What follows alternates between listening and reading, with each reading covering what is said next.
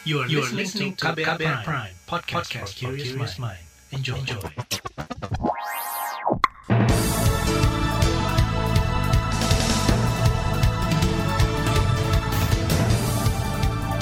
Selamat pagi saudara, senang sekali kami bisa menjumpai Anda kembali melalui program Buletin Pagi edisi Selasa 20 April 2021. Bersama saya, Naomi Liandra. Sejumlah informasi pilihan telah kami siapkan, di antaranya punya karakteristik sama, masyarakat diminta waspadai ledakan kasus COVID-19 di India. Uji klinis tahap 2 vaksin Nusantara dihentikan. Anggota TNI bergabung ke kelompok kriminal bersenjata di Papua. Inilah Buletin Pagi selengkapnya. Terbaru di Buletin Pagi. Pemerintah mengingatkan masyarakat waspada terhadap ledakan kasus COVID-19 di India yang mencapai ratusan ribu kasus dalam satu hari. Menteri Kesehatan Budi Gunadi Sadikin mengatakan mutasi baru kurang waspada dan longgarnya protokol kesehatan yang menyebabkan penularan virus COVID-19 di negara itu melonjak.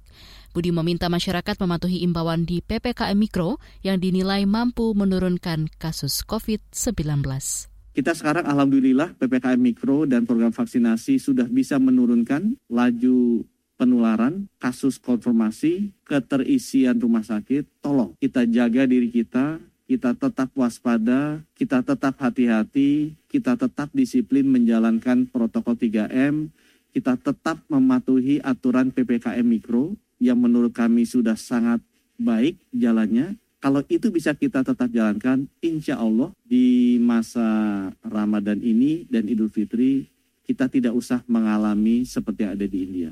Menteri Kesehatan Budi Gunadi Sadikin meminta masyarakat tetap waspada, tidak terlena dan berkaca pada ledakan kasus COVID-19 di India, meski Indonesia telah menjalankan program vaksinasi. Budi meminta masyarakat tetap menjalankan protokol kesehatan guna mencegah lonjakan penularan kasus COVID-19 di tanah air. Peringatan serupa juga disampaikan Presiden Joko Widodo. Menurutnya, kelengahan protokol kesehatan dapat menaikkan jumlah kasus aktif yang saat ini turun.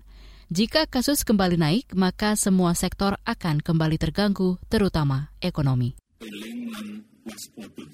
tidak boleh lengah, tidak boleh menyepelekan yang namanya COVID. Jangan sampai situasi sekarang yang kurvanya sudah lebih baik, menurun, ini menjadi naik lagi gara-gara kita lengah dan tidak waspada.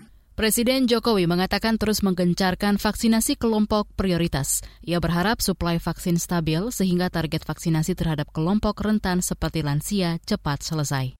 Sementara itu, Badan Kesehatan Dunia WHO mendorong pemerintah Indonesia melakukan strategi antisipatif mencegah lonjakan kasus COVID-19 seperti India.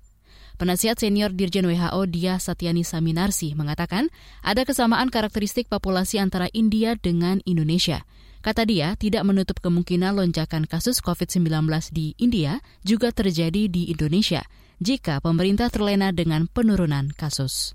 Kita juga harus lihat bahwa beberapa minggu terakhir ini, 7-8 minggu terakhir ini, banyak sekali terjadi kenaikan kasus di seluruh dunia. Dan itu kita tidak bisa bilang bahwa oh itu hanya di tempat lain tidak di tempat saya. Jadi pelajaran pandemi ini nggak bisa kita lupakan. Jadi waktu ledakan pertama di Wuhan kemudian menyebar ke seluruh dunia hal yang sama masih kemungkinannya masih sama besarnya terjadi saat ini gitu.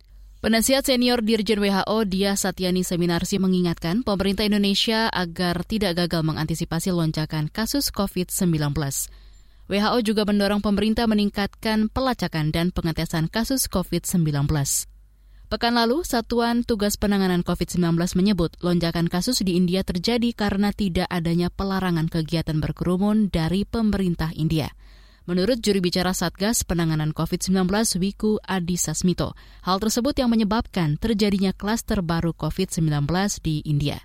Meski begitu, kata dia, tren lonjakan kasus dunia itu justru bertolak belakang dengan penurunan kasus COVID-19 di tanah air dalam beberapa bulan terakhir di Indonesia menunjukkan banyak tanda perbaikan sehubungan dengan penanganan COVID-19 yang dibuktikan dengan berangsur-angsur membaiknya perkembangan kasus COVID-19 di Indonesia. Sebagai contoh, pada minggu ini terjadi penurunan sebesar 14,2 persen pada penambahan kasus positif dan penurunan sebesar 17,6 persen pada penambahan kematian. Perkembangan kasus ke arah yang lebih baik ini hendaknya jangan kita jadikan alasan untuk bersikap acuh dan lalai.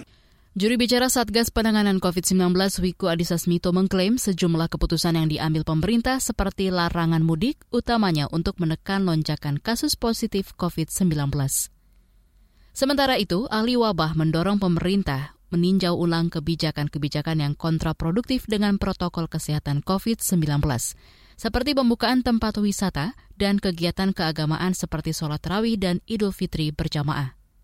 Epidemiolog dari Universitas Indonesia Tri Yunis Miko Wahyono meminta pemerintah berkaca dengan lonjakan kasus harian COVID-19 di India yang mencapai 200-an ribu dalam sehari.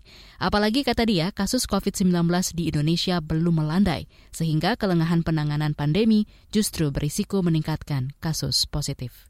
Nah, itu yang saya takutkan dengan Indonesia. Jadi Indonesia itu OTG-nya sejak September 2020 tidak diperiksa. Padahal OTG itu 80% dari semua kasus COVID. 20 persennya adalah yang dengan gejala. Jadi eh, seharusnya kasus di Indonesia kalau dengan OTG 20 persennya 5 ribu, kasus hariannya kasus orang tanpa gejalanya dalam teorinya ya 80 persennya yaitu 20 ribu. Epidemiolog dari Universitas Indonesia Tri Yunis Miko Wahyono menyayangkan sikap pemerintah yang tidak bisa menutup penerbangan internasional termasuk penerbangan dari India. Kemarin di India dalam sehari bertambah lebih 250 ribu kasus baru dan lebih 1.700 kematian akibat COVID-19. Kemenakar buka posko pengaduan THR 2021. Informasinya akan hadir usai jeda. Tetaplah di Buletin Pagi KBR. You're listening to KBR Pride, podcast for curious mind. Enjoy!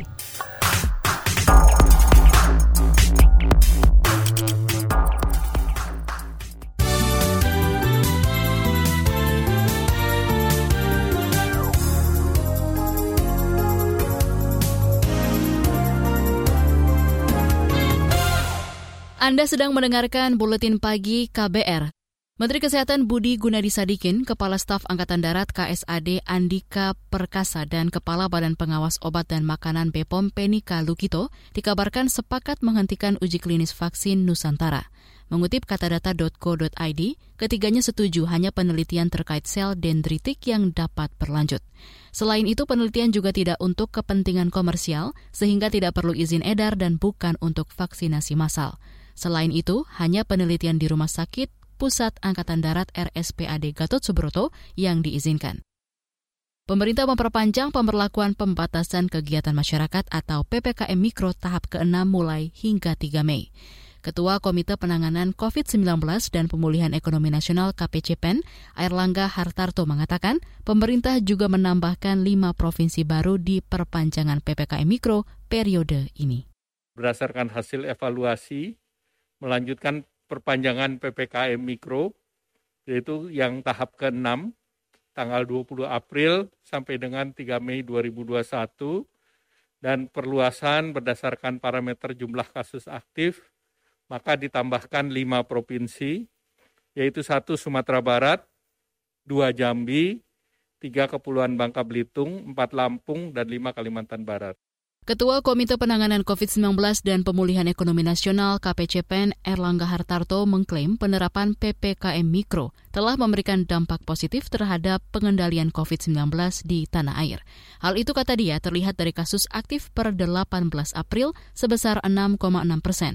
Positivity rate mencapai 11,2 persen dan tingkat keterisian rumah sakit yang mencapai 35 persen.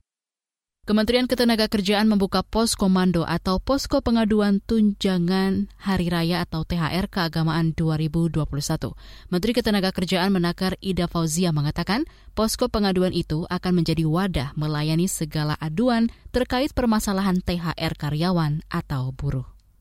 Kami membentuk posko pelaksanaan THR keagamaan tahun 2021 di pusat yang tujuannya adalah memberikan pelayanan konsultasi pembayaran THR keagamaan, memantau pelayanan pengaduan pembayaran THR keagamaan, memantau pelaksanaan penegakan hukum pembayaran THR keagamaan, Menteri Ketenagakerjaan Ida Fauzia menambahkan, posko aduan THR keagamaan juga akan berkoordinasi dengan instansi terkait yang berhubungan dengan penegakan hukum. Sebelumnya, Kemenakar menyatakan pembayaran THR 2021 harus diberikan paling lambat tujuh hari sebelum Hari Raya Keagamaan. Pengelola moda transportasi mengklaim menyiasati potensi lonjakan penumpang sebelum dan sesudah tanggal larangan mudik. Sekjen Organisasi Angkutan Darat, Organda, Ateng Aryono menyebut syarat muatan dan penerapan protokol kesehatan di kendaraan angkutan tetap dijalankan sebelum dan sesudah tanggal larangan mudik di luar 6 dan 17 saya pikir ya memang biasa saja. Tidak ada pengaturan kecuali memang satu syarat-syarat pemuatan yang physical distancing pokoknya 3M ya minimal 3M itu memang harus diikutin. Ketika memang ada penumpang banyak dan butuh diangkut tentunya kami semua siap. Sekjen Organda, Ateng Aryono mengaku siap mengangkut penumpang dalam jumlah banyak sebelum dan sesudah tanggal larangan mudik dari pemerintah. Sementara terkait potensi kenaikan harga, Ateng mengklaim kenaikan saat permintaan tinggi wajar, namun tidak lebih dari 30 persen sebagaimana ketentuan pemerintah. Menteri Pariwisata dan Ekonomi Kreatif Sandiaga Uno optimistis vaksinasi seniman dan budayawan dapat mempercepat pemulihan sektor ekonomi kreatif. Hal itu disampaikan Sandiaga saat kemarin mendampingi Presiden Joko Widodo memantau vaksinasi massal bagi seniman dan budayawan di Galeri Nasional Indonesia, Jakarta kita harapkan sumbangsi 1.100 triliun dari sektor ekonomi kreatif ini bisa paling tidak kita pertahankan dan justru ada kesempatan, ada peluang untuk uh, bangkit dan pulih kembali.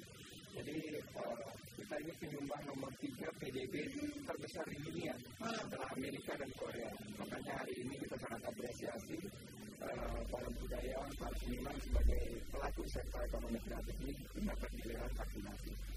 Menteri Pariwisata dan Ekonomi Kreatif Sandiaga Uno mengklaim vaksinasi massal bagi pekerja sektor ekonomi kreatif, ditambah lagi berbagai kebijakan lainnya dapat mendorong pemulihan ekonomi di sektor tersebut. Sektor ekonomi kreatif, kata dia, menjadi salah satu penyumbang besar bagi produk domestik bruto Indonesia. Kementerian Koperasi dan Usaha Mikro Kecil Menengah UMKM menyebut selama pandemi COVID-19, sistem logistik yang mengelola ekspor barang di dunia mengalami gangguan. Menteri Koperasi dan UMKM Teten Masduki menilai gangguan ini menjadi salah satu penyebab nilai ekspor Indonesia tahun lalu turun 2,61 persen. Tantangan UMKM sangat pandemi ini adalah kenaikan tarif pengiriman barang hingga 30 persen sampai 40 persen berkurangnya volume ekspor impor sehingga terdapat pengurangan jadwal kapal dan penerbangan internasional. Pendeknya sekarang ini eh, sistem logistik dunia sedikit terganggu. Menteri Koperasi dan UMKM Teten Masduki menambahkan pelaku UMKM yang menjalani ekspor yang lebih terpukul selama pandemi dibandingkan pelaku usaha besar.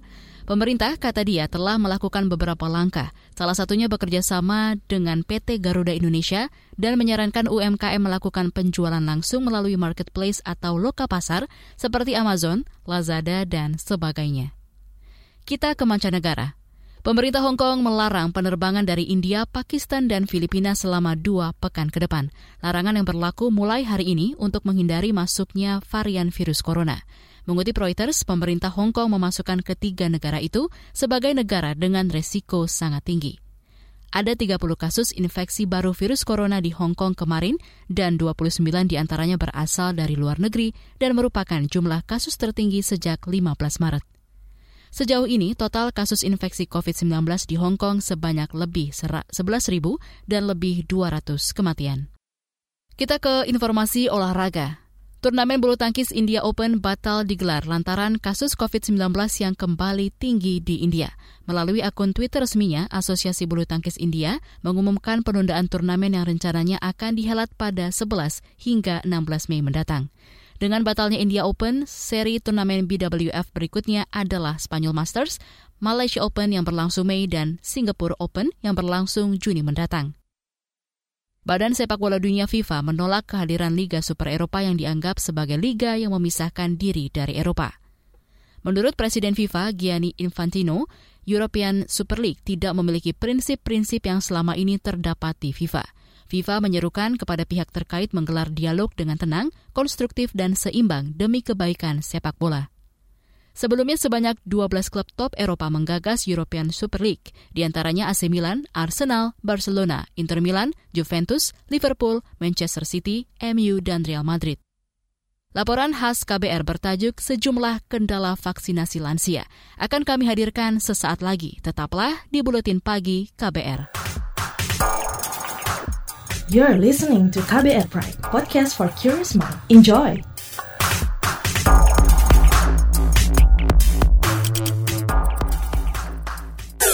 Commercial break. Transfer ke sini udah, bayar ini juga udah. Ke gue udah. Heh, Allah, pertumbuhan ekonomi tuh lagi melambat, persis kayak tabungan gue.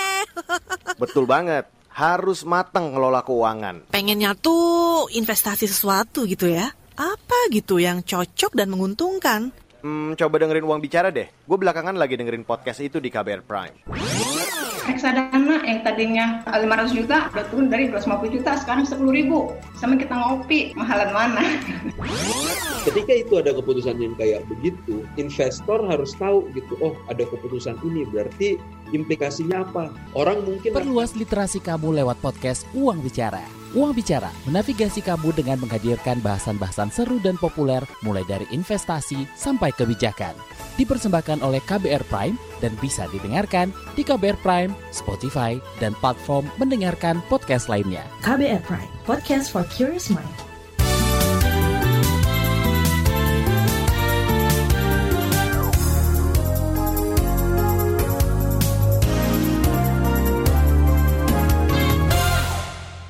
Anda masih bersama kami di Buletin Pagi KBR. Pemerintah kini mendorong lebih banyak kelompok lanjut usia divaksinasi COVID-19. Lansia disasar karena menjadi kelompok beresiko tinggi. Dalam perjalanannya, vaksinasi lansia malah menemui sejumlah kendala. Apa saja kendalanya? Bagaimana pula upaya pemerintah mengejar target vaksinasi untuk 21 juta lansia hingga akhir 2021? Berikut laporan KBR yang disusun Wahyu Setiawan. Jumlah kasus meninggal akibat COVID-19 terus bertambah setiap harinya. Dari 43 ribuan orang yang meninggal hingga 19 April 2021, 48 persen di antaranya merupakan kelompok lansia. Menteri Kesehatan Budi Gunadi Sadikin mengklaim terus mendorong vaksinasi terhadap lansia di semua daerah, utamanya selama Ramadan dan sebelum Lebaran. Alasannya, Lebaran akan jadi momentum berkumpulnya keluarga sehingga lansia rentan tertular. Kemungkinan bahwa banyak keluarga yang ingin bertemu orang tuanya sangat tinggi, jadi tolong dipastikan dalam sebulan ini prioritas diberikan vaksinasi kepada para lansia. Sehingga mereka, senior-senior kita ini bisa kita lindungi, kalau nanti dikunjungi oleh keluarganya, mereka sudah relatif imunitasnya lebih baik. Pemerintah menargetkan lebih dari 21 juta lansia bisa mendapatkan suntikan vaksin COVID-19 pada akhir tahun nanti. Namun hingga kini, realisasinya baru mencapai 10 persen untuk suntikan tahap pertama. Lambannya proses vaksinasi lansia ini diakui oleh Menkes Budi. Dia mengungkapkan rendahnya partisipasi lansia dalam vaksinasi COVID-19 lantaran banyak yang merasa takut disuntik terutama nih terutama terutama para lansia. Kita sekarang sudah mendorong vaksinasi ke lansia. Masih banyak lansia yang merasa takut merasa sungkan merasa enggan datang. Termasuk anak-anaknya juga ragu mengajak bapak dan ibunya untuk suntik. Padahal vaksinasi ini sangat penting untuk melindungi mereka. Karena mereka termasuk golongan yang rentan atau rawan kalau terkena kemungkinan fatalitasnya tinggi Salah satu daerah yang disorot oleh Menkes yaitu Aceh Menurutnya, cakupan vaksinasi bagi lansia di Aceh menjadi yang terendah dibanding daerah lain, yakni 0,47 persen. Masalah mendasarnya, pemerintah belum mampu meyakinkan kelompok lansia untuk bersedia divaksin. Kendala lain, vaksinasi lansia juga diungkap Dirjen Bina Administrasi Kewilayahan di Kementerian Dalam Negeri, Safrizal. Kata dia, banyak lansia yang tidak mau divaksin lantaran tak mau mengantri lama. Dari beberapa yang kami diskusikan, sulit untuk misalnya mengajak para manula ini untuk antrian di tempat yang atau masal gitu ya, ini sulit. Kemudian juga para manula ini juga sulit diminta menunggu lebih daripada dua jam, ini juga sulit ya. Kementerian Kesehatan mengklaim menyiapkan beragam strategi guna mengatasi masalah-masalah tersebut. Salah satunya melibatkan komunitas dan organisasi seperti Ikatan Dokter Indonesia atau IDI untuk mengedukasi pentingnya vaksinasi bagi lansia. Selain itu, pemerintah juga memberi fasilitas transportasi dan kemudahan akses pendaftaran bagi lansia. Lokasi vaksinasi juga akan disiapkan di sejumlah kelurahan untuk memudahkan mereka. Sebagai salah satu kelompok lansia yang sudah disuntik, Wakil Presiden Maruf Amin mengajak lansia tak takut disuntik karena vaksinasi sudah terbukti aman. Namun ia juga mewanti-wanti agar vaksin tidak dijadikan alasan untuk mengabaikan protokol kesehatan. Ternyata juga vaksin kita ini, Sinovac ini juga bisa digunakan dan tidak ada masalah. Oleh karena itu saya mengajak pada seluruh masyarakat untuk mengikuti vaksinasi karena ini penting buat kita untuk supaya terjadi imunitas kekebalan masyarakat dalam rangka kita menjaga dari pengaruh penularan COVID. Epidemiolog dari Universitas Indonesia, Tri Yunismiko Wahyono mengungkapkan, tantangan lain vaksinasi lansia. Kata dia, banyak lansia yang tidak lolos proses screening sehingga tidak bisa mendapatkan suntikan vaksin. Itu lantaran mereka mengidap penyakit penyerta yang tidak masuk syarat penerima vaksin oleh karena itu ya lansia hati-hati kalau nggak hati-hati ya uh, akan terjadi efek samping karena banyak yang ada pemberatnya begitu penyakit penyertanya begitu. Miko menyarankan pemerintah bertindak aktif menjemput para lansia untuk mau divaksin. Namun bagi lansia yang tidak memenuhi syarat lantaran mengidap penyakit penyerta, sebaiknya dikontrol secara rutin oleh tenaga kesehatan sehingga terhindar dari ancaman COVID-19 lansia menurut saya harus periksa kesehatannya penyakit penyerta sendiri. Kalau bagi penyakit peserta, penyakit penyertanya ada ya pemerintah wajib menjelaskan begitu apa yang harus dilakukan gitu. Miko berharap pemerintah bisa memastikan kelancaran suplai vaksin bagi lansia. Selain itu, pemerintah juga diminta menggencarkan penyuluhan ke kelompok lansia supaya mau divaksin tanpa dipaksa. Demikian laporan khas KBR, saya Reski Mesanto. Informasi dari daerah akan kami sajikan usai jeda. Tetaplah di Buletin Pagi KBR. You're listening to KBR Pride, podcast for curious mind. Enjoy!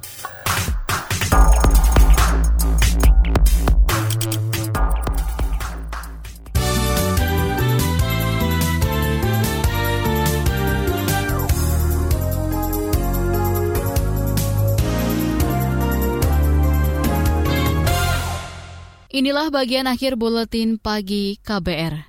Komando Gabungan Wilayah Pertahanan 3 membenarkan seorang anggotanya bergabung dengan kelompok bersenjata di Kabupaten Intan Jaya, Papua.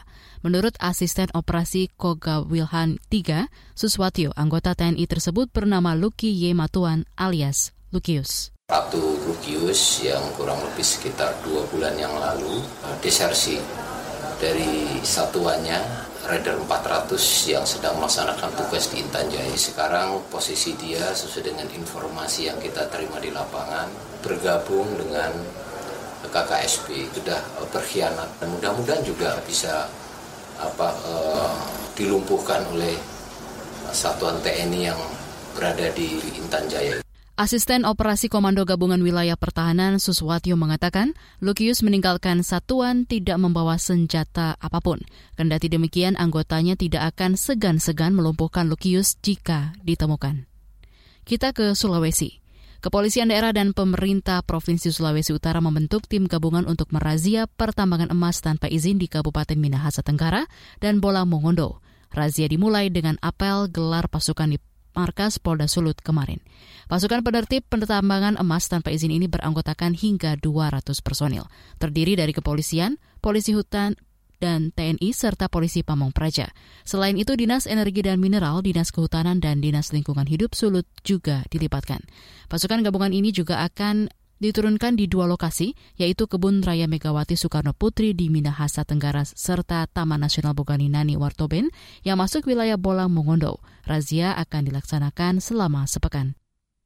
Kita beralih ke Jawa Tengah. Pemerintah Kota Solo melarang sekolah membuka pembelajaran tatap muka jika tenaga pendidiknya menolak divaksinasi. Laporan selengkapnya bersama kontributor KBR Yuda Satriawan. Pemerintah Kota Solo memastikan penolakan vaksinasi di kalangan guru akan berdampak pada penyelenggaraan sekolah tatap muka. Wali Kota Solo Gibran Raka Buming Raka mengultimatum pelarangan sekolah tatap muka jika masih ada penolakan vaksinasi pada guru di sekolah yang bersangkutan. Menurut Gibran, langkah ini untuk mencegah potensi penyebaran virus corona karena guru berinteraksi dengan para siswa dan pengelola sekolah lainnya. Kalau edukasi nggak mempan ya, kita tinggal saja. Yang masih mau divaksin masih banyak lagi. Tapi sekali lagi, karena ini menyangkut masa depan bangsa kita, sekolah ini isinya anak-anak, jadi vaksin ini wajib dan sekolah harus bisa kembali. Sebelumnya, Pemkot Solo menyebut ada dua sekolah yang para gurunya menolak divaksinasi. Vaksinasi di Solo saat ini terus dilakukan untuk para guru maupun dosen. Pemkot menargetkan seluruh guru dan karyawan sekolah di Solo sudah divaksinasi sebelum jadwal sekolah tatap muka bulan Juli mendatang. Dari Solo, Jawa Tengah, Yuda Satriawan, KBR.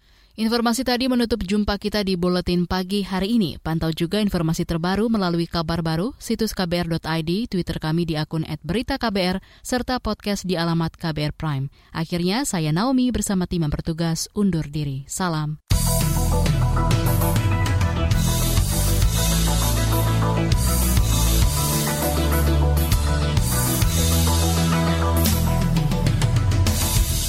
KBR Prime, cara asik mendengar berita. KBR Prime, podcast for curious mind.